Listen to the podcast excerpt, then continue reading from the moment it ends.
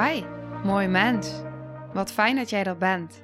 Mijn naam is Sandy en ik geloof in een wereld waarin iedereen zijn liefdevolle zelf mag zijn. In deze podcast praten we openlijk over alle struggles die je tegenkomt op het moment dat je tegen jezelf aanloopt. Vanuit mijn kennis en ervaring deel ik levenslessen en geef ik je inspiratie hoe jij vanuit pijn en angst weer voor liefde en vertrouwen kunt kiezen, zodat jij, dwars door het donker, de weg terug kunt vinden naar het licht in jezelf. Welkom bij de Liefdevolle Strijder Podcast.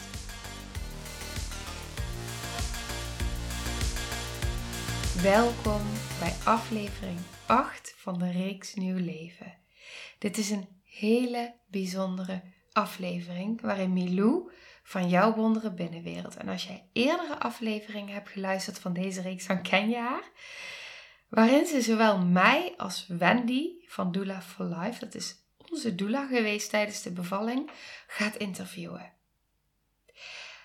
En het is heel waardevol, vind ik, om het zo met z'n drieën te doen, omdat het een completer beeld geeft over de bevalling. Ik ben ook bepaalde stukken een beetje kwijt, omdat het natuurlijk best wel een intens proces was. En dan is het ook heel erg fijn dat we ook allerlei thema's die we tegenkomen ook gewoon direct kunnen bespreken, waardoor het dus ook zo'n veelzijdig beeld geeft. Voor mij voelt het, eerlijk, alsof ik bijna weer net als tijdens de bevalling naakt ben, uh, maar nu dan vanuit de openheid waarin ik al mijn gevoelens maar ook mijn angsten en mijn weerstand. En ja, eigenlijk vanuit mijn hele kwetsbaarheid mijn proces deel. Dus ik zou zeggen, luister heel open-minded. Waarom? Omdat ik echt geloof dat je net als in alle andere afleveringen heel veel inspiratie hieruit kan halen op allerlei gebieden in je leven die je tegenkomt. Oké, als laatste wil ik nog zeggen, deze aflevering is verdeeld over twee delen. En deel 2 komt over drie dagen aanstaande donderdag online.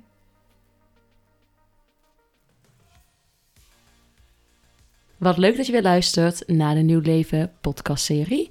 Ik zit hier met Sandy, Wendy, de doula van Sandy, en met mezelf, Midou. En ik ga vandaag uh, deze mooie vrouwen interviewen over hoe het is gegaan, hoe Noah ter wereld is gekomen. Ja. Hmm. Nou, vraag 1 is voor Sandy. Hoe begon het allemaal? Ja, hoe begon het allemaal? Nou, ik, vind, ik zal eerst even zeggen dat ik het best wel spannend vind om deze aflevering op te nemen. Ik voelde een beetje weerstand ook. maar ik weet waar ik het voor doe. Ehm, ja, het begon, ik denk achteraf, dat het op maandagochtend al begon. En ik ben op dinsdagavond is mijn zoontje Noah geboren. Ehm, maar ik denk echt dat maandagochtend het energetisch aan de gang was. Ik merkte dat ik de hele dag in verbinding met hem was, in, in stilte. Af en toe zetten we muziek op, was ik echt aan het zingen voor hem. Ik was tegen hem aan het praten. Ik was tegen hem aan het zeggen dat ik, uh, dat ik veilig ben, dat hij veilig is dat we dit samen doen. Dat ik mm. door mijn ademhaling hem uh, ja, naar beneden adem. En ik voelde heel veel vertrouwen. Ik voelde ook heel veel kracht. Ik weet nog dat ik s'avonds ging douchen voordat ik ging slapen. En dat ik echt helemaal... Ik douche altijd koud. En ik weet nog dat ik onder die koude douche stond. Echt van ja, ja, weet je wel. ja, we gaan ervoor. Laat maar komen. Ja, dus achteraf denk ik ja, volgens mij voelde ik dat er van alles in gang was. En ehm, ik ging in bed liggen, s'avonds. En toen voelde ik ook dat er heel veel gebeurde. Maar ja, dat was al vaker geweest. En ik lag in bed en ik dacht, jeetje, wat, wat, wat is hier druk en bewegelijk en wat voel ik allemaal in mijn lijf. En ik dacht, nou, ik laat het maar gewoon gebeuren, maar zou het nou beginnen? En het werd meer en meer en meer. En ik weet nog dat ik op een gegeven moment s'nachts, uh, rond een uur of... Ik dacht ik laat mijn man gewoon slapen. Ik voel wel wanneer ik hem wakker wil maken. Laat hem, hij heeft slapen hard nodig. En um, ik weet niet dat ik s'nachts mijn telefoon aanzette. Die heb ik altijd op vliegtuigstand s'nachts. En dat ik een berichtje had van jou, Wendy. Hoe gaat het? Of zoiets? Ja, iets van, ik, hmm. voel van alles of zo. Ja. Dat ik dacht, oh, wat mooi. Ze voelt het gewoon dat het inderdaad, ja, dat er veel gebeurt. En uh, toen dacht ik op een gegeven moment rond een uur of half vier, vier uur, dacht ik, ik zal eens gaan timen. En toen ging timen en toen had ik om de, ja, tussen de zeven en negen minuten had ik al een wee. En toen dacht ik, om vier uur dacht ik, oké, ik ga mijn man wakker maken. Dus ik maakte hem wakker. Ik zei, ik denk niet dat je hoeft te gaan werken vandaag. En die keek me echt aan met van die grote ogen. Echt? Dat was meteen wakker. Hij was meteen wakker. Oh, dan ga ik nou met de hond lopen. Ik zeg, ja, ga nou maar doen, want dadelijk wil ik niet meer dat je weggaat. En eh, ja, toen is hij met de hond gaan lopen. En toen is het echt begonnen. Ik heb jou om zes uur geloof ik geappt. Ja. Denk ik. Van, eh, ja, het is zover. Ja. Ja, dus... eh, En wat is het? Is zover voor jou? Ja, de weeën zijn echt nu, echt, nu weet ik zeker. En het was ook wel heel eh, apart, want ik zat op de wc nog daarvoor rond een uur of vier, vijf. En toen voelde ik al heel erg sterk die, eh, die druk. Een soort persdranggevoel. En ik weet nog dat ik dacht, hmm, is wel heel raar. Dit is wel heel snel. Dat zou niet zo moeten, maar ja, ik ben nog nooit eerder bevallen. Dus ik denk, ja, ehm, het zal wel. Maar dat was wel al apart, merkte ik op. Ja. Ja. dus eh, ja. En toen ben jij gekomen. Ja, toen kwam ik, toen ging ze bij, eh je had mij rond eh, zes uur zoiets inderdaad een berichtje gestuurd. En ik was hier, eh een uur of zeven of zo was ik hier, denk ik. Ja. Ehm, ja, ja, zoiets hè. En toen hebben we gewoon eh, rustig, toen was je, lag je op de bank. Ja. Rustig de wee op te vangen en, eh, en Bram die had een lekker theetje voor mij gemaakt. was zo lief. En eh, ja, dat ging allemaal heel goed. En toen op een gegeven moment zei je, ja, ik wil eigenlijk wel even naar buiten op mijn blote voeten in het gras. Ik zei, nou lekker doen. Ja. Toch? Ja. Dat was heerlijk hè? Dat was echt fijn. Ja, ik stond Mm. die weeën buiten mooi op te vangen. In het zonnetje. Ik dacht nog, dat wat. Ja, het is dat ik dacht, ik wil niet dat eh, iedereen mij hier hoort. eh, hoort straks. Maar anders had ik het daar buiten gezet. Het was echt Wauw. fijn. Ja. was Ja. heerlijk. Ja. Ja, ja, dat was echt fijn. En wat voel je dan van binnen? Ja, pff, ja, wat voel Nou, ik voelde me heel enthousiast. Ja, jij als Ik- gevoelige een vrouw, wat voel feestje. je allemaal? Feestje. Ja, ik dacht echt, yes! Hij, hij, hij ligt dadelijk in mijn armen. Het, het is aan de gang, het gaat gebeuren. Ik was helemaal blij. Ik was, ja, ik dacht ik kan dit en ik ga dit doen en ik wil dit. En ja, dat, dat voelde ik. Ja. Ja, Ja, maar dat is ook echt fantastisch, want zo moet het eigenlijk zijn. Ja. Soms benaderen mensen het zo eh, ja, klinisch bijna. Of eh, alsof ze een hypotheek gaan afsluiten of zo. en dan denk je echt van, ja weet je, het is... eh, en dan zien overal leeuwen en beren. en dan zeg ik, ja, in eerste instantie is het natuurlijk een feestje. Het is gewoon een Fantastisch. En- prachtige gebeurtenis. Dat, dat is toch... ja, Dan moet je het ook vieren, zeg Ja. maar. Dan moet, de, de angst hoort daar eigenlijk niet bij. Nee. Nee. Nee, Nee, die voelde ik ook niet. nee, nee, nee, nee, toen nee, niet. nee, Nee. toen niet, nee. Nee, nee, maar, dat, nee, maar er zijn Oh. mensen die, die deze nog, ja, die dan beginnen die weeën en die, die gaan meteen in de angst en denken, oh waarom? En dat deed jij gelukkig niet. Nee, Dus dat is wel heel fijn. ik ja. dacht ik laat mijn man gewoon lekker slapen en ik, eh, ik voel wel wat er gebeurt. Kan prima. Ja, misschien even schrikken wel, maar even, oh, oké, oh, dit is het. Is Yes! Ja. En daarna yes, ja, toch? Ja, Ja. Ja tuurlijk. Ja, Ja. dat is heel normaal, denk ik. Ja, dat, is- zo, zo heb ik het mijn eigen bevalling ook wel beleefd, ja. Ja. Dat je even denkt van, en daarna... Daarna blij, ja, Ja. gewoon blij zijn en denken van wow. En spannend natuurlijk, maar spannend mag ook, hè. Er is niks mis mee dat je het spannend vindt, maar Ja. Nee. ja, niet negatief. Maar dat, dat ging eigenlijk allemaal super goed, Ja, toch? ja. Dus dan stond je lekker buiten, in het zonnetje. Ja, heerlijk. De weeën op te vangen. En, nou ja, gewoon super veilig met Bram en met Wendy erbij. Ja, ja, Wauw. ja. Dus eh, dat was goed. Wel, eh, Ja. wel al dat ik dacht, nou, dat is wel eh, een ja. intens gevoel, zeg maar. Ja, ik zag ook wel dat, jij, dat, je, dat ze wel moeite daar- daarmee kreeg. En toen kwam er op een gegeven moment, ja, elke twee, drie minuten zoiets, hè. Ja. En toen eh, op een gegeven moment eh, zei van, ja, weet je, wat wil je? Wil je vast de verloskundige bellen? Hoef je nog niet meteen te komen, maar dat het aan de gang is, dat ze in ieder geval dat ze weet. Ja, op de En hoogte toen heb jij is. gezegd ook, ja, ik wil wel dat ze het wel weet. Ja. Mhm. En Ja. toen heeft Bram even gebeld, of jij zelf, dat weet ik eigenlijk niet meer. Ik weet het ook niet meer. Volgens mij Bram. Maar dat, Ja, wat, kan, je, kan je bellen tijdens de weer en dat je, oké, nu time Nee, tijdens de wee niet. Nee, wat nee, was echt niet. dan komt een nieuwe wee en dan moet je... Nee, tijdens de ophangen? wee ben je echt alleen maar aan het Ja. ademen. Dus Ja. dan gaan mijn ogen dicht en dan is het gewoon naar binnen en ademen, ademen. En dan Ja. als dat voorbij is, dat is heel raar, Dan, is gaan mijn ogen weer open en dan kijk ik naar weer. En dan Tenminste in voel het je- begin. Ja, dan voel je, dan voel je zeg maar niks. Ja, die druk. Ja. Maar verder voel je niks tussen de tweeën. Dat is ook heel raar. Dus dan zou je in principe tussendoor kunnen bellen. En daarna ben je van helemaal, eh, even voor mijn beeld voor me, hè? Even voor alle moeders die nog niet bevallen zijn. Dus je bent helemaal in kon aan het ademen met je ogen dicht. En daarna ben je er weer. En dan kan je gewoon een telefoongesprek voeren. Ja. En daarna ga je weer in de kokon. Ga je weer helemaal in. Ja, en alleen het is natuurlijk wel Hmm. om de twee, drie minuten komt de wee. Die was op dat moment al een minuut of zo. Ja, dus de tijd wordt korter. De tijd wordt steeds korter, dus je gaat steeds verder naar binnen eigenlijk. En die weeën worden krachtiger en intenser, dus op een gegeven moment, ja, dan praat je niet meer. Nee, nee, nee. Nee, maar dat, eh, dat hoeft ook niet en zo. Nee. Meestal wil de verloskundige ook wel vaak ehm, de, de- ook wel even horen. aan Nou, in dit geval ook niet, omdat je vertelde dat we- ja. Ja. Maar als je zeg maar wat later belt, als vaak belt een man dan op en die zegt dan van ja, dan ben je en zo en zo. Dan zegt ze van ja, is ze, is ze in de buurt? Want dan wil ze je aan de telefoon. Op het moment dat ze hoort dat jij niet meer kunt praten en zij hoort heel veel aan de geluiden die jij Mm, maakt, Mooi. oh, weet de verloskundige al van oh, oké. Hè, doorgaans van, oh, iemand die, die is ongeveer zo ver. Ja, dan moet, ik, dan moet ik daar wel naartoe. Als iemand nog gewoon, ja, nee, als, ja ik denk dat het wel is begonnen. En dan en die kletst heel anders. Ja. Dan weet ze ook van, Ja. oké, het is wel begonnen, maar er is nog tijd van, doe maar rustig aan, doe maar. Want, weet je Ja, wel, Ja, uiteindelijk. mooie graadmeter. Ja. Ja. Oké, dus het werd heftiger. Ja. En, en wat doe jij dan? Wat is dan jouw rol? Ja, wat, wat, eh, wat Sandy en, en Bram willen in principe. Dus eh, nou, ja, goed, ik heb, eh, ik heb jou ook op een gegeven moment, hebben we ook samen, hebben we nog een foto van.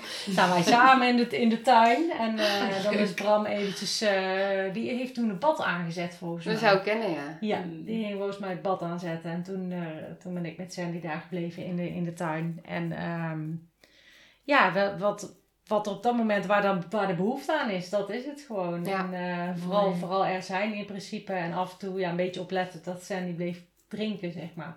Was, dat was heel belangrijk, want op een gegeven moment... dag ook. Ja, Je je krijgt steeds meer dorst door de dag heen. Dat heb ja, ik wel gemerkt. Ja, Ik kon op een gegeven moment, dat was op het einde dan even tussendoor, maar ik kon bijna niet meer spreken. Zo'n droge mond had ik. Echt bizar. en dat komt van de ademen. Je gaat op een andere manier ademen. Ja. Mm. Ja. En dan krijg je hele Zo droge- droog. Ja. Ja, Ja. Heel, heel even tussendoor. Kan jouw microfoon, ik heb net deze heel zacht geprobeerd te draaien. Kan die iets gedraaid? Ja, misschien ga je dat horen. Sorry, luisteraar. Ja, Zo? ja want zou dat ze heel erg naar elkaar toe stonden. En dan kan het dat dat geluid misschien Oh, dan een beetje gaat vervormen. Weet je wel, Dus, ja. ja. Sorry. Dat was even tussendoor, sorry. Nee, nee, dit is Nee, dit is belangrijk, dit is belangrijk. Ja, ja. ja. Oké, en, en wat is dan wat, wat, is de volgende stap? Want het eigenlijk best oké. Het, nou, wij zeiden zelfs tegen elkaar. Ja? Het was op dat moment tien uur, dus ik was eigenlijk al twaalf uur bezig met het gevoel van daar rommelen weeën, noem het maar op. Mhm. En wij zeiden echt van, nou, jij bent voor zes uur wel thuis, zeiden we tegen Wendy. Ja, Om twee uur is je er. dat dacht ik ook. Dachten we echt. Het ging ja, zo. de verloskundige ook uiteindelijk, hè? Ja, echt voorspoedig. En Hmm. ja, het ging top. het was fantastisch. Wauw. Ja. Ja. En toen ging ik op een gegeven moment dus inderdaad de verlos... Was ik al in een bevalbad toen de verloskundige kwam? Ja, je bent al in... Want eigenlijk moet je voor de 5 centimeter ontsluiting niet in bad gaan, want dan kun je, hè, de- dan, dan wordt het zo relaxing dat het, zeg maar, het proces een beetje kan vertragen. Ja. Maar hè, normaal gesproken wacht ik altijd tot de verloskundige geweest en zeg van, oh, dan, dan, dan ga maar in bad. Maar afgaande hè, op, op, op Sandy en dat ze dus elke twee, drie minuten een wee had van een minuut en gezien hoe heftig het was voor haar, dacht ik, ja, en, die gaat gewoon in naar bad. En toen de verloskundige eh, kwam, eh, die had gewoon hetzelfde idee. Dat weet ik, want ik, ik heb nog even met haar gepraat natuurlijk. En toen zei ze van, ik zeg ja, die zit dadelijk wel op eh 6, 7 centimeter. Ja, zei ze, dat denk ik ook. Maar jullie zagen het ook aan mijn buik of zo, zeiden jullie op een gegeven moment toch? Ja, jouw Iets in buik die richting. wat strakker, wat meer samentrekken en zo. En ik, ik denk ook echt serieus dat als hij gewoon goed had gelegen, hè, dan had jij een snelle bevalling gehad. Dan was dat gewoon wat wij dachten, dat was dan ook gewoon gebeurd. ja. Ja, dus... en dat liep dus eventjes anders. Ja, helaas, ja. Maar goed, maar en toen, Sandy, vertel. ja, vertel. Ja, toen was op een gegeven moment de kraamverzorgster dat. Toen dacht ik wel echt al van jeetje. Wat wordt het hier allemaal druk met al die energie hier binnen? Ik was wel echt naar binnen gekeerd. Ehm, maar het werd wel drukker, dat voelde ik ook, zeg maar, om me heen. Ja, toen op een gegeven moment, we hadden afgesproken, ik wilde dus eigenlijk niet getoucheerd worden. Maar we hadden afgesproken dat ik me één keer zou laten toucheren. Dat is trouwens dat ze dan onderzoek doen van binnen om te voelen hoeveel ontsluiting er is. En ik dacht van nou, dan doen we dat één keer. Want stel dat je gaat persen op het moment dat de ontsluiting nog niet voldoende is, dan ja. Dan kan het randje wat er nog zit, zal ik even aanvullen. Het randje wat er nog zit kan dan opspellen. Als je bijvoorbeeld 9 centimeter hebt of 8 en je gaat dan persen, dan kan de hoofdje er nog niet doorheen. Zwelt het randje op. ja. En dan, ja, dan kan je kindje er niet meer uit. Dan moet je naar het ziekenhuis, moet je keizersnede. Ja, dat, als dat niet nodig is, dan wil je dat voorkomen. Dus Nou, dat is precies. eigenlijk de reden. Ja. Ja, dus ik dacht van nou oké, dan ga ik dit toucheren één keer doen. En dat probeerde de ehm verloskundige dus in bad te doen bij mij. Dat lukte niet. Toen moest ik uit bad. Dat is überhaupt al, eh, al een hele uitdaging. Oh ja, ja. En eh, toen deed ze dus op de bank. En toen zei ze tegen mij, en ik, toen begon trouwens ook al interessant. Toen merkte ik dus al aan mijn lichaam eh, dat ik voor de eerste keer begon te trillen.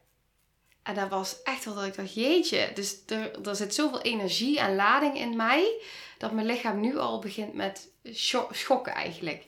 Nou, ik denk, ja, laat maar gebeuren, dat kun je toch niet tegenhouden. En ehm, ja, toen toucheerde ze en toen had ik drie A4 centimeter ontsluiting.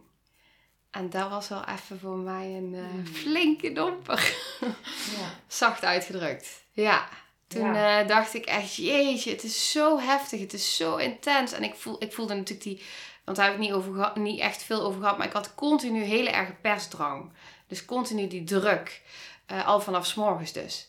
En dat, bleef, dat werd alleen maar sterker en sterker en sterker. Dus op dat moment dacht ik echt, ja, hoe, hoe ga ik dit nog doen als die persdrang al zo druk is en ik moet nog 6, 7 centimeter. Ja, toen eh, ja, was wel even een eh, klap of zo. Zo voelde het. Ja, ja, Ja. dat snap ik. Ja, was ook totaal onverwacht, want we hebben Ja. elkaar allemaal nog aangekeken, zeg maar. De, de kraamverzorgende, de, de Ja. verloskundige en ik. En dat was echt totaal niet in de lijn der verwachting, want we hadden het alle drie gebaseerd op onze ervaring eigenlijk. ja. Ehm, en en ho- hoe we jou zagen en, en deed, dachten wij van, nou ja, goed, die heeft minstens een centimeter of zes, zeven eh, minimaal. Eh, trouwens, toen, je, toen ze binnenkwamen en toen ze ging toucheren, zeg maar, om- omdat jij in bad zat, want toen zagen we ook dat het steeds heftiger werd. Toen dachten we, nou, die zit op 8, 9, die zit tegen die persdrang aan en dan voelt ze dat ook heel erg. En dan hadden we gezegd van, weet je, zijn die nog even en dan, Ja, precies. weet je, dan Ja. Komt het wel goed. Ja. Ja, Maar nee. Wauw. En als doula zijn, want dan is- komt het dan klap voor Sandy van, oh, ben ik echt helemaal niet ver. En voor Bram natuurlijk ook. Ja. Wordt er dan echt iets van je gevraagd? Of voel je wel gewoon, oké, ik moet nu naar Sandy toe, ik moet echt nu iets vertellen of haar hand vasthouden? Ja, ik ben wel naar jullie, naar jullie toegegaan. Want ik zag meteen aan hun gezichten natuurlijk die teleurstelling. En die voelden wij met z'n allen natuurlijk. Ja. Terwijl het eigenlijk, ja, je voelt een teleurstelling. Terwijl er eigenlijk ja, Nog niks duidelijk was op aan dat moment. duidelijker. Nee. Ja. En, en hoe heet het? En natuurlijk de, de situatie, hè, dat Noah deed het hartstikke goed nog op dat moment. En eh, ja, iedereen deed het goed, maar het was gewoon totaal niet wat je had verwacht. Dus Ja. just in, in die split second moet ik daar eerst voor mezelf natuurlijk verwerken. En daarna ben ik naar jullie toe gegaan en heb gezegd van, goh, weet je, ja, je doet het hartstikke goed en het gaat goed en jullie kunnen dit en eh, dat komt goed, weet je wel. En, en soms zie je ook wel eens dat het een, een soort, eh, ja, net een soort drempeltje is waar je lichaam eigenlijk overheen moet. En dat was de reden waarom de verloskundige op een gegeven moment eh, voorstelde laat om, om, om de vliezen te breken. Ja, dat was nog later. Net, eh, ja, Ja. want soms kan het net eh, zijn dat je dan over een hobbeltje heen gaat en dat daarna de ontsluiting veel sneller Ja, gaat. ja, want ik keek het inderdaad eerst even aan. Ja, omdat je ook de, Ja. heel, de wens had Niet in bad. Ja, ja. precies, op de bank. Maar ja, twee, twee uur later, ik weet het niet hoor, want die tijden zijn echt... eh, Ja, dat Maar in ieder geval, precies, Nee, toen, eh, toen was er nog niks verder. Ja, dus toen op een gegeven moment zei ze van dan gaan we de vliezen breken. Ja. Vind je dat goed? Want het is de laatste optie die we thuis kunnen doen. Wil je nog een natuurlijke bevalling? Hmm. Ja, toen dacht ik, ja nou oké, ik wil thuis bevallen, dus dan breek die vliezen maar. Dat was ook wel een heel, ehm, een moment wat me ook wel is bijgebleven, omdat ik lag op de bank samen met Bram, of ik zat op de bank samen met Bram. En eh, de hond die lag zeg maar voor de bank, maar die was helemaal in connectie met mij. Die lag de hele tijd, ook toen ik in bad zat, elke keer als ik mijn ogen weer open deed, zag ik hem echt zo helemaal zen op de grond liggen. En dat was heel bijzonder. En op het moment dat hun dus die vliezen wilden gaan breken, hij lag dus op die bank of op de grond. En uh, ze kwamen aangelopen met z'n tweeën. Nou, en die ging me toch tekeer. Ja, tegen de kraamverzorging en tegen de verloskundige. Ja. Die dacht echt, blijf haar uit de buurt. Ja, dat is echt. En dat deed hij bij mij, deed hij bij mij niet. Nee, En jij bij- bij niet. Ja, dat is echt. Ja. Ja, en eh, ja, dat was natuurlijk hartstikke Oh. lief en mooi. Ja. eh, eigenlijk. Maar op dat moment ook niet zo handig. Ja, het is heel begrijpelijk voor, voor, Ja. voor de hond natuurlijk. Super beschermend. Ja, En maar dieren er voelen zo'n dat zo, aan, Een hè? soort ding komt er natuurlijk ineens aan. Ja, precies. Ja. Daar kwam, ja, en hij voelt natuurlijk ook dat er bij mij iets En gebeurt. weer, dat er bij jou ook een beetje weerstand Zeker. zit natuurlijk. Ja.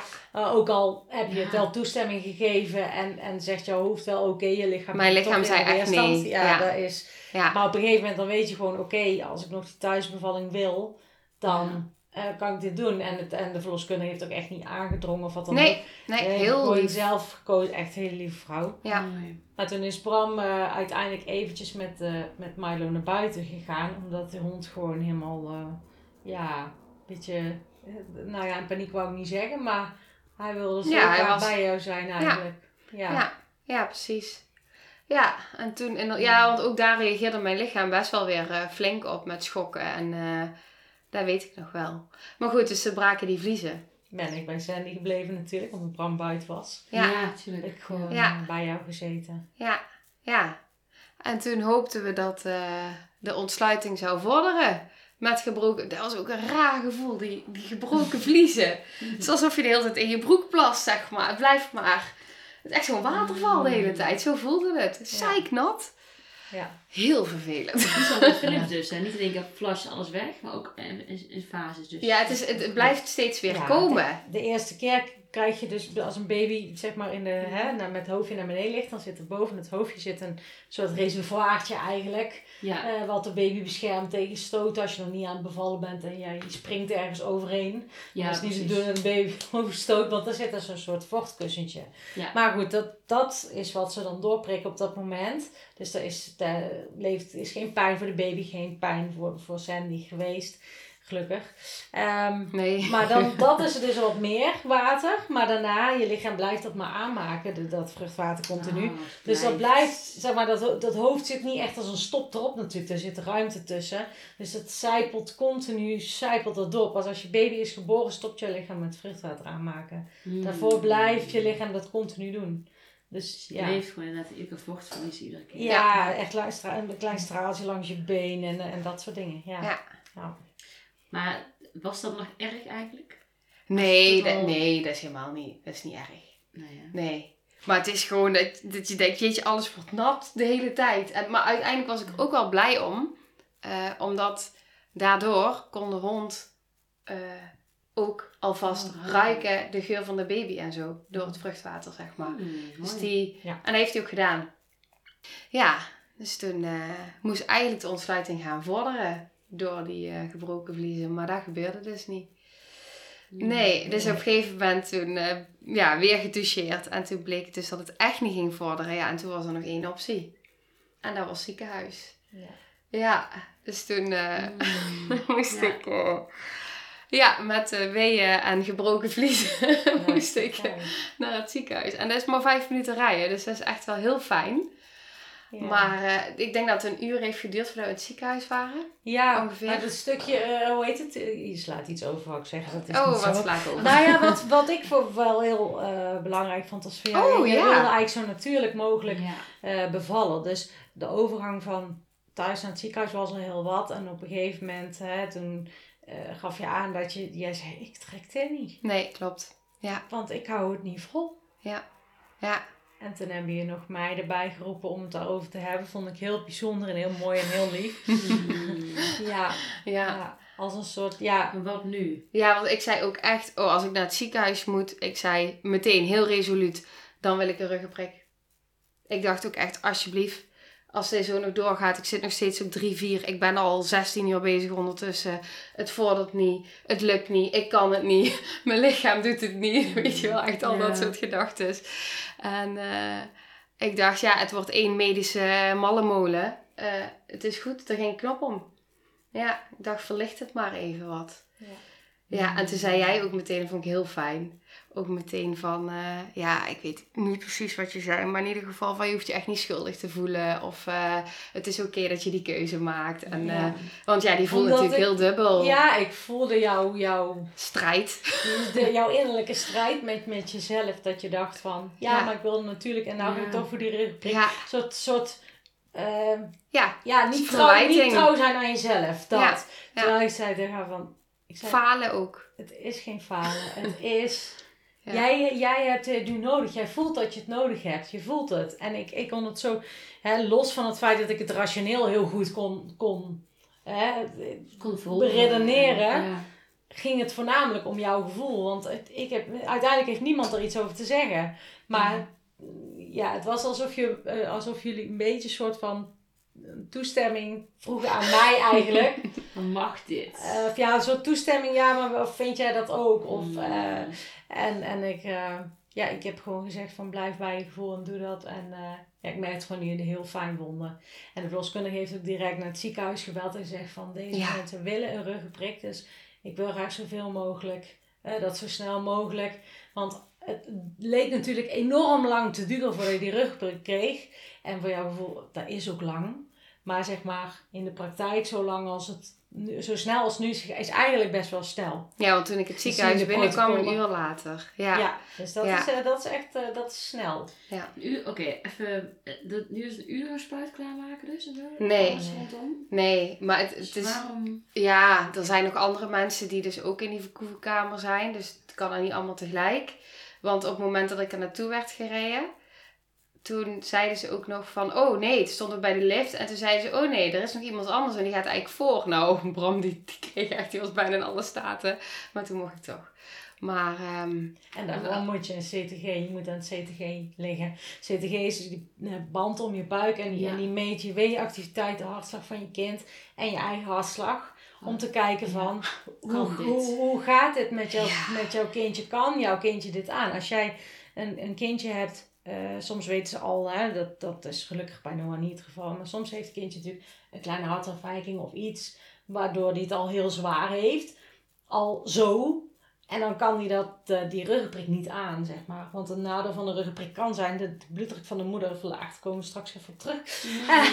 maar, eh, en dan moet Dat je wist ik weten ook niet van het, trouwens. het kindje, ja, het kindje, de, de, het Ja, kindje moet, eh, moet het aankunnen. Dus Ja. vandaar dat je minimaal een half uur, eigenlijk het liefst Echt een uur. checken. Maar een half uur moet je eraan leggen. Bij jou hebben ze ook echt dat half uur aangehouden en niet langer. Dus Ja. ze zei ook al van, ze hebben het echt zo snel als kon gedaan. Maar voor jullie voelt dat dan een Ja. eeuwigheid, dat snap ik. Maar ik wist oprecht inderdaad niet, ook toen we hier nog thuis waren, ik wist dus niet dat inderdaad je bloeddruk kan verlagen van een ruggenprik. Ik had echt geen idee, want ik denk als ik dat op dat moment wist. Ja, weet ik niet. Nee, dat weet ik niet. Dat kan ik niet Nee, inschatten. nee, Nee, ja. dat weet je echt niet. Nee, maar dat is het moeilijke Nee. ervan. Kijk, ik weet wel alle voor- en nadelen van die pijnstilling. Ja. Maar ga je dat allemaal van tevoren allemaal bespreken Nee. met iemand? Ga je dat al vertellen van tevoren? Eh, nee, ik zeg alleen wel altijd eerlijk te zitten voor en nadelen aan. De voordelen zijn hè, dat je, de, dat je de, naast dat je de pijn niet meer voelt, is dat je ook dus een soort rust kan ervaren en daardoor relaxen bent. Dus je hormonencocktail verandert ook en dat komt jouw baby dan ook ten goede. Daar zijn heel veel voordelen ervan. Maar er zitten ook nadelen aan. Maar ja, niet iedereen krijgt die nadelen. En godzijdank krijgt niet iedereen alle nadelen die eraan zitten. Hetzelfde als, Nee. als eh, hè, met corona, als je allerlei symptomen... Niemand heeft alle symptomen van corona, gelukkig niet. Nee. Maar Nee. dat. Maar heel even kort mijn beeldvorming. Een ruggenprik kan dus ook drie uur duren voordat, hij, voordat het mag gaan, voordat het... Soms, ja, dat kan. Het ligt eraan. Kijk, nu was het overdag. En hij moet gezet worden door een anesthesist. En die anesthesisten, die zijn allemaal ingepland voor onder andere operaties. Op het moment dat er iemand binnen wordt gebracht met een auto-ongeluk die, eh, die een spoedoperatie moet, dan moet die anesthesist daar naartoe. En dan, hè, dan is de bevalling natuurlijk wel belangrijk, maar de andere gaat over leven en dood, dus dat gaat dan voor. Ja. En dan moet hij, dan Ja. moet hij daar naartoe. Ja. Oké, oké, oké. Dus ja. dat is een beetje het. Ja, en en s'nachts moet er natuurlijk een anesthesist opgeroepen worden. Ja, Want er is, eh, hoe heet het, er is. zijn niet aanwezig. eh, Ja, en er is vaak één anesthesist aanwezig in een ziekenhuis, maar die moet zeg maar vrij blijven voor het geval dat er dus een spoedsituatie is. Dan kan hij niet, eh, oh ja, ik ben even rugprik en zit bij een keizer en iemand anders gaat dood in de tussentijd. Dat kan niet. Dus er is één anesthesist s'nachts aanwezig die altijd beschikbaar moet zijn voor dat soort situaties. En voor de minder dringende situaties wordt er dan iemand opgeroepen. Ja. Ook afhankelijk van hoe groot het ziekenhuis is hoor. Maar Ja. nu was het overdag. Dus die anesthesisten waren allemaal bij operaties. En tussen de operaties door moet er dan een ruggenprik gezet worden. Ja. Dus dat is best wel een... eh, Ja, dus organisatorisch ook best een dingetje soms. Oké, de rugprik dus. Ik Ja, ja, ja, ja, inderdaad. Ze hadden dus gebeld. Ja. Ja, en toen gingen we dus naar het ziekenhuis. Daar vond ik ook wel eh, een, eh, een interessant gegeven. Ja, dat je uit de auto stapt en in een rolstoel gaat terwijl je weeën hebt. ik dacht echt, oh mijn god. En dat ging, ik was niet stil of zo. Ik was ook niet heel hard aan het gillen. Maar ik maakte wel geluid. Tenminste, als ik het me goed Ja. herinner. Dus ik weet dat ik inderdaad die auto uitging en dat ik echt dacht... Oké, het is overdag. Iedereen ziet mij. Ik doe gewoon mijn ogen dicht. Ik keer naar binnen. En ik doe net alsof ik een klein kind ben. Ja. Als ik mijn ogen dicht heb en ik zie niemand, dan zien zij mij ook Dan niet. is het dat Ja. niet. Dat is Dan is het toch gewoon Ja, dat niet. is zo grappig, want dat is echt jouw beleving. Dat ze zeggen, Ja. oh, iedereen ziet mij. Wat gebeurde er in de praktijk? Er was één jongetje, stond bij de draaideur. Één jongetje van een jaar of zeven, acht. Die zei, mama, wat is er met die mevrouw? En toen zei die moeder, die mevrouw krijgt een babytje. Oh, dat was het. Voor de rest, kijk, iedereen kijkt natuurlijk een keer zoals je altijd. Als je Oh, een keer opzij, oh ja. Ja, maar je bent zo op je aller... Al, weet je, ik zat in mijn Nee, je nacht, je- nachthemd. Mijn vliezen waren gebroken. Je bent zo kwetsbaar. Je Ja. bent... Ja. Oh, ja. zo. Ja, maar dat snap ik ook. Gevoelsmatig is het zo. Maar in de praktijk gebeurt er niet. Want ja, dat jongen stelt natuurlijk vraag. En die moeder zei van, ja, die krijgt een babytje. Oh, oké. Klaar. Maar voor je gevoel Ja. zit je dan echt... Heftig. Ja. Ja, maar ja, en dan kom je dus inderdaad die afdeling binnen. Dat was ook intens. Ik, ik weet het ook niet meer heel goed. Het enige wat ik weet is dat er allemaal mensen waren en dat er van alles op me werd aangesloten. Er werd een, hier werd er in, in mijn hand werd er een, een infuus gelegd en op mijn buik en van alles. Maar ja, ik had zo'n heftige weeën, dus ik ja, kreeg het allemaal niet meer zo goed mee. Nee, nee, dat snap ik. Ja, maar op dat moment ja, laat je het ook over je heen komen, zeg maar. En dan is het wel belangrijk dat je dus hè, die regie blijft houden. Dat je... eh, Ja. Dat het je niet overkomt. Je mag het over je heen laten komen met jouw toestemming. Maar Ja. dat is iets anders als het, dat het je overkomt. Absoluut. Ja. En ik vond wel dat ze alles heel erg goed uitlegden in het ziekenhuis. Ja. Wat er ging gebeuren. En ook eh, vragen van, we, gaan, eh, we willen, niet we gaan, maar we willen graag dit en dat doen om die en die reden. Is dat goed? Ja. En dan werd het gedaan. Dat was echt super. Ja, Dus ja en wat ik ook heel fijn vond, was dat ze ook gelijk op papier ons geboorteplan kregen. En daardoor had ik ook echt het gevoel van oké, het ligt daar op papier. Dus ze hoeven niet in de computer te kijken, nee, het ligt daar gewoon. Dus ze kunnen het ook gewoon zien. En hoe iedereen op mij heeft gereageerd in het ziekenhuis, ook al had ik toestemming gegeven op het moment dat ze dus eh, inwendig iets deden, deden ze alsnog van oké, ik ga je nu aanraken. Ik ga nu dit bij doen. Ja, was heel netjes. En dat was echt, voor mij echt, ja, dat maakte dat dat zeker niet traumatisch werd. Ja, Mooi. heel En ik denk als ze inderdaad ook maar één keer daaraan voorbij waren gegaan, dus gewoon hoppakee, een handeling hadden gedaan zonder, ook al was mijn lijf het natuurlijk helemaal niet mee eens, hè, want mijn lijf vond het verschrikkelijk, maar toch kon ik het wel veel meer Ja, accepteren, omdat het zo in overleg ging en zo. Ja, en omdat het ook een andere situatie was. Het was natuurlijk, hè, het moest nog steeds in overleg, maar je wist ook waarom dat het gedaan werd en dat het, Ja. dat het echt maar nodig was, dus aanhalingstekens. eh hoewel jij nog steeds zelf toestemming gaf. Mhm. Maar het is iets anders dan dat het je overkomt. Maar je lichaam, ja, die reageert zoals die reageert. Dat, dat, Ja, daar dat kun je ja. niks aan doen natuurlijk. Nee, daar kun je niks aan doen. Nee. Wat dan? Dat deden ja, zeg jij. Maar wat gebeurde er? Ja, mijn lichaam die, die deed echt dat trillen. Echt dat schokken. En daar werd hoe, hoe later op de dag. ehm, en vooral, ja, daar komen we straks op bij het einde. Ja, dan ging het echt een keer. Heftiger. Ja, ja, absoluut. En dat ik ook echt ergens dacht, jeetje, wat gebeurt er, zeg maar. Dat het zo heftig trilt. Maar ja, ik, ik wist natuurlijk al wat er gebeurde. Want ik wist dus gewoon het, het releasen. Dus ik vond het ook fijn dat mijn lichaam dat deed. Maar toch merkte ik ook dat mijn mind er ook al wat van vonden. Omdat ik zoveel mensen om me heen had. En ik lag daar maar te schokken, zeg maar. eh, ongecontroleerd. Ja, Ja, dat is ook wel... eh, Eigenlijk als traumatherapeut weet je dat het supergoed is. Ja. Kom maar uit, dus laat, Ja, laat maar gaan. Laat maar gaan. ja, dankjewel lichaam. Het wel op je kwetsbaars daar en Ja. aan bevallen. Ja. En met heel veel mensen. Ja, En dat. eigenlijk gebeurt En naakt. wat en naakt. En eigenlijk alles wat jij niet helemaal wil, Ja. eigenlijk hè? Ja, ja. Ja, want het was ook wel mooi, want ik had natuurlijk vooraf al, ik zat al in zo'n proces, omdat ik natuurlijk eh, langer zwanger was, uiteindelijk 42 weken. Ehm scheelt op een half uur na, maar goed. En ehm, dat ik dus ook echt al steeds, hoe verder ik kwam, ik voelde ook wat meer ja, de druk, zeg maar, soort van, in het ziekenhuis toenemen in de zin van, ik moest om de dag komen voor een controle. Ehm, ja, steeds meer die gesprekken daarover. Ik voelde steeds meer van, het zou toch ja, niet eh, natuurlijk kunnen gebeuren als het dus echt niet op gang gaat komen of zo. En ergens dacht ik, ja weet je, ik accepteer het gewoon, dan is dit misschien zijn ervaring, dus het is helemaal goed. Die voelde ik ook wel. Maar op het moment dat je daar dan helemaal zo doorheen gaat, door zo'n proces, ja, er gebeurt zoveel in je lijf, dat komt ook zeker weerstand bij. Ja, Ja, alles tegelijk denk ik. ja, ja, alles tegelijk. En ook gewoon een beetje voelt van, ik had gewoon zo graag zowel hem als mezelf een andere ervaring gegund. Dat was het vooral.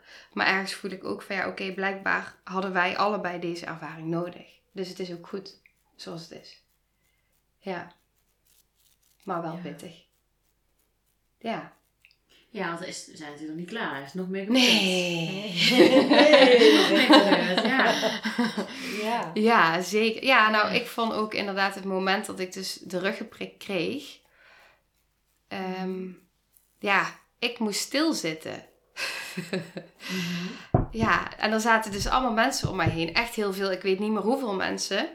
Ik weet dat er iemand echt op 5 centimeter van mijn gezicht zat. ehm, die echt me recht in de ogen aankeek.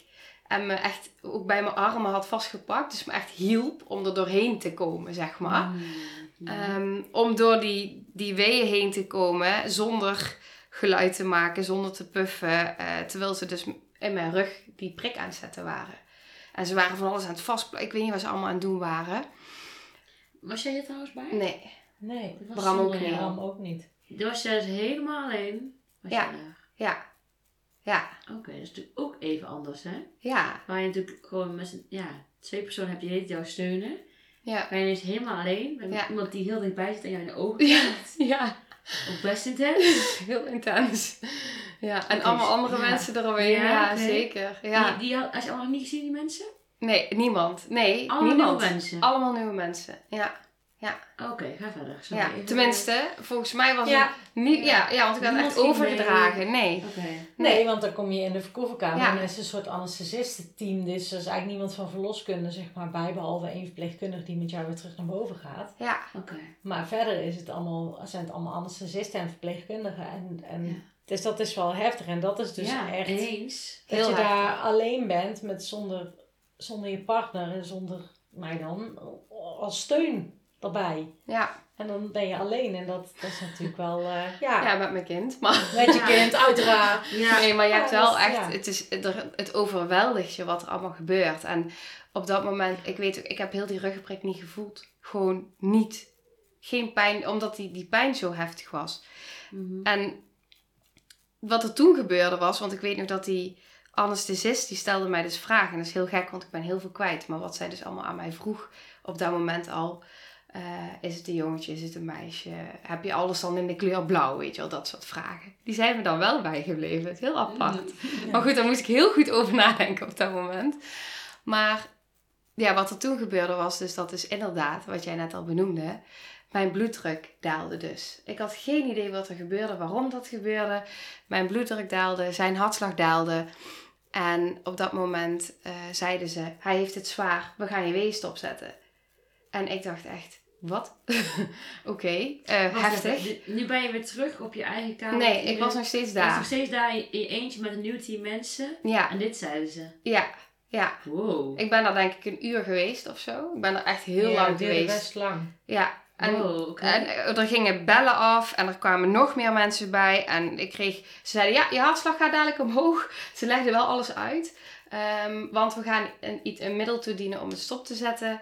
eh, waarmee je hartslag dus waarschijnlijk gaat verhogen. Dus van te langzaam soort van? Ja, van een te lage bloeddruk. Oh, ik had sorry, sowieso ja. al tijdens de bevalling een lage bloeddruk.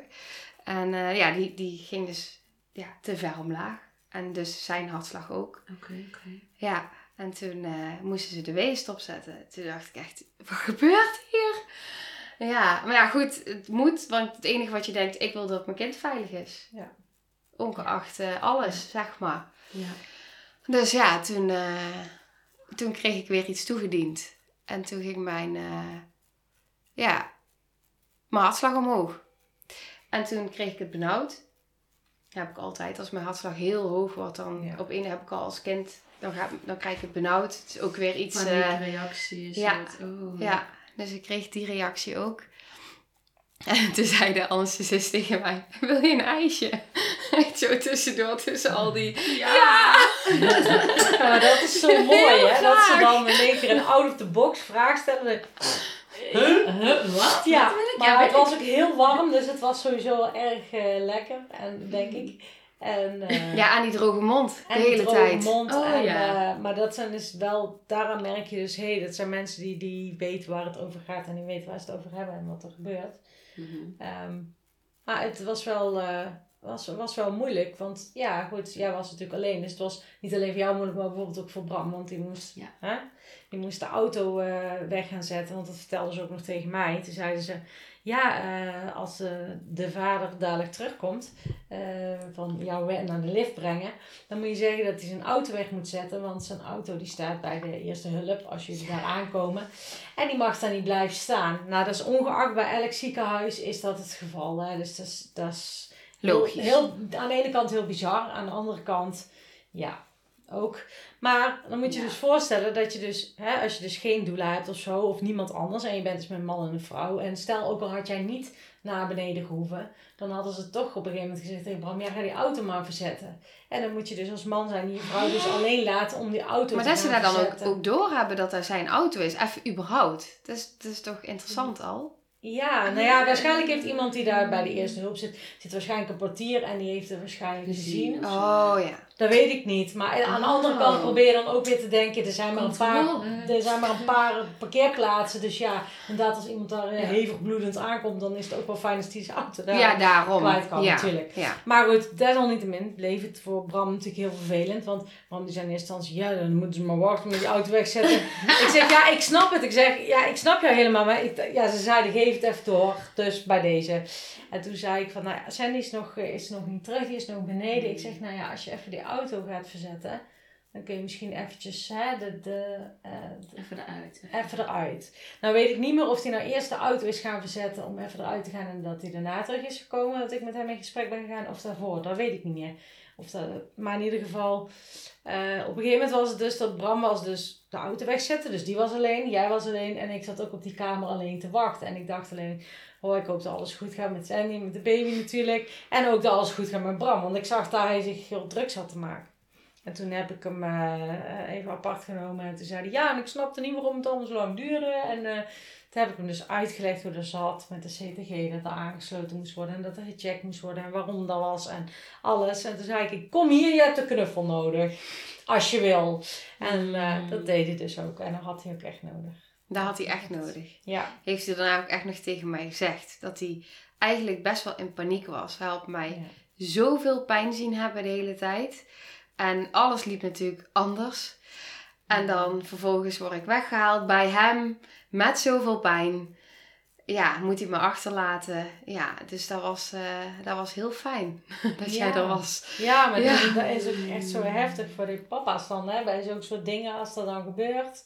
Maar ook al staan ze erbij en komt er medisch personeel en die gaan van alles doen met Ja. vrouw en kind, want die zijn, dat zijn de patiënten. Ja, De man is niet de patiënt. nee. Dat is een soort, ja, heel, heel oneerbiedig een soort aanhangsel wat er dan, ja, zo, klinkt het misschien, maar zij hebben daar medisch gezien niks mee te maken. En zij, zij, zij gaan wel in op de, op de emotie van de man als het tijd is, zeg maar. Maar dat is ook heel belangrijk aan de, de rol van doula die ik heb, is dat niet alleen voor de vrouw, maar ook voor de partner. Ik zal partner zeggen, want meestal zijn het mannen, maar het kan natuurlijk ook een vrouw zijn. Dus dan is het fijn hè, dat, je daar, dat je dan ook kan zijn. Zeker. Ja. Op zo'n momenten ook, eh, en ook, ook om de blije dingen te delen uiteraard, maar ook als er dingen hè, anders lopen en je denkt van hè, hoe zit dat nou? Je kunt aan mij vragen van hè, waarom is dat? Eh, waarom gebeurt dat? En dan weet ik het wel. En als ik het niet weet, dan vraag ik het na.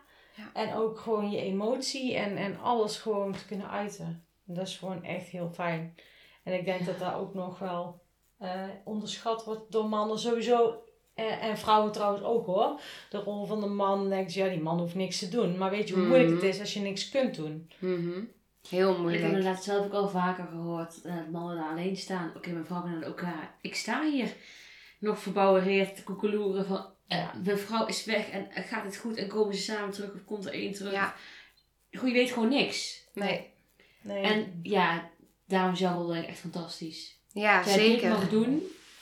Ik Ja, dat ik voel me ook heel, heel, Ja, zo gevoeld heeft. heel, echt. eh, ik ben Ja. heel fijn. Nee, Heel, heel, ik vind het heel fijn. Ik ben echt heel blij dat ik dat kan doen. Ja. Dat ik er kan zijn voor iemand. Ja, Ja. als Ja, dat je echt eh, als zo'n team met z'n drieën er altijd bent. Ja. En als één eventjes dan naar elkaar moet, of even naar verkoeven, of eventjes een uitstapje van Ja, moet maar maken. er is. Dat ja, de andere twee samen kunnen zijn. Ja, er is, maar ook gewoon Ja. bepaalde momenten. Ben ik een keer bij een bevalling geweest een andere cliënt. En, en eh, zij moest uiteindelijk ook naar het ziekenhuis. Maar goed, alle aandacht gaat naar haar en, en het kind toe, wat logisch is op dat moment. Maar op een gegeven moment, toen, toen eh, was die kleine eh, geboren, zeg maar. En toen was dat allemaal goed.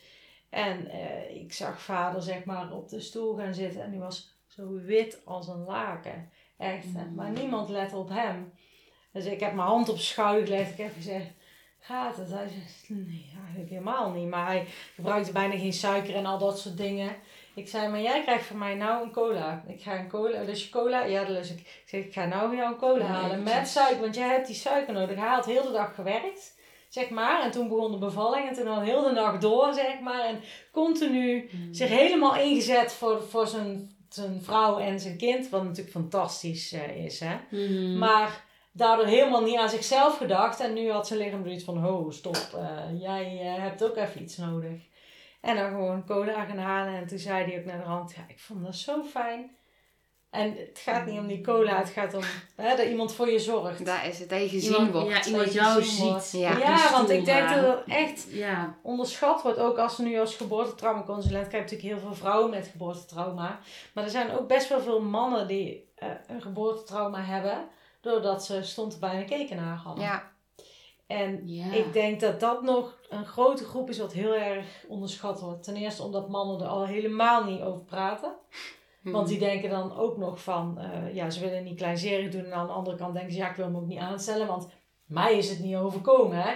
Het is haar overkomen. Ja, nee, het is jou ook overkomen. Want jij stond er ook bij, ook al was het niet fysiek voor jou. Maar dit is denk ik gewoon het allergrootste taboe aller tijden. Dat mannen dus echt een gebouw, ja, geboortetrauma Ja. kunnen hebben.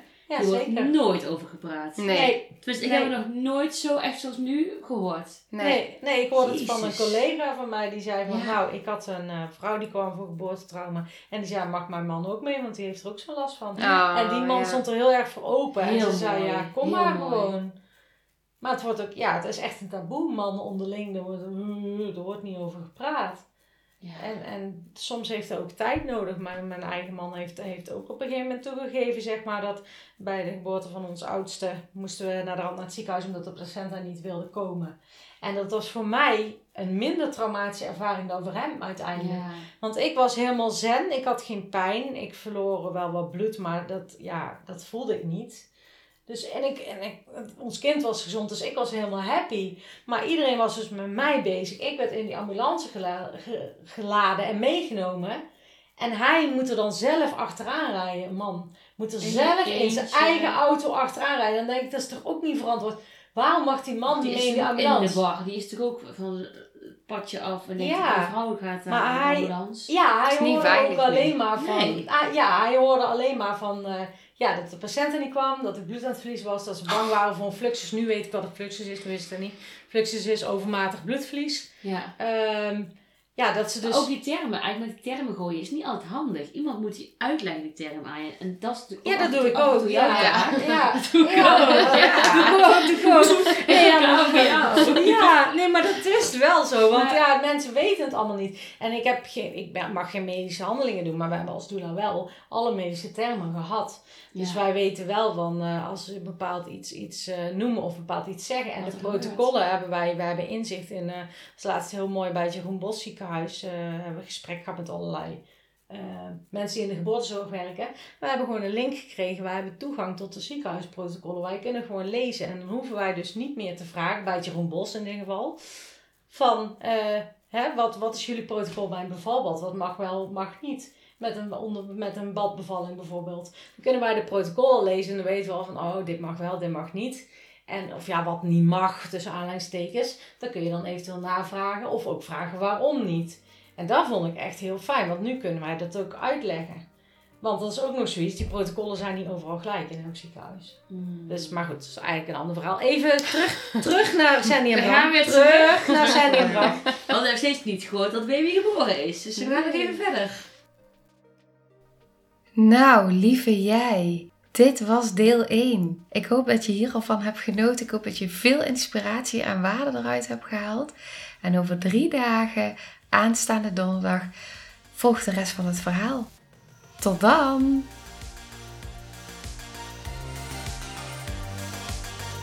Nou, lieve mensen, ontzettend bedankt voor het luisteren. Als je het leuk vindt, kun je de aflevering delen. Of maak een screenshot en tag me op Instagram. Want ik vind het echt super tof om te zien wie er luistert. De link van mijn Instagram staat in de beschrijving bij de podcast. En wil je blijvend geïnspireerd worden? Klik dan op abonneer of volgen in de podcast-app waarmee je luistert. Dat zouden ik en alle toekomstige luisteraars enorm waarderen. Want dat zorgt er namelijk voor dat de podcast beter gevonden wordt.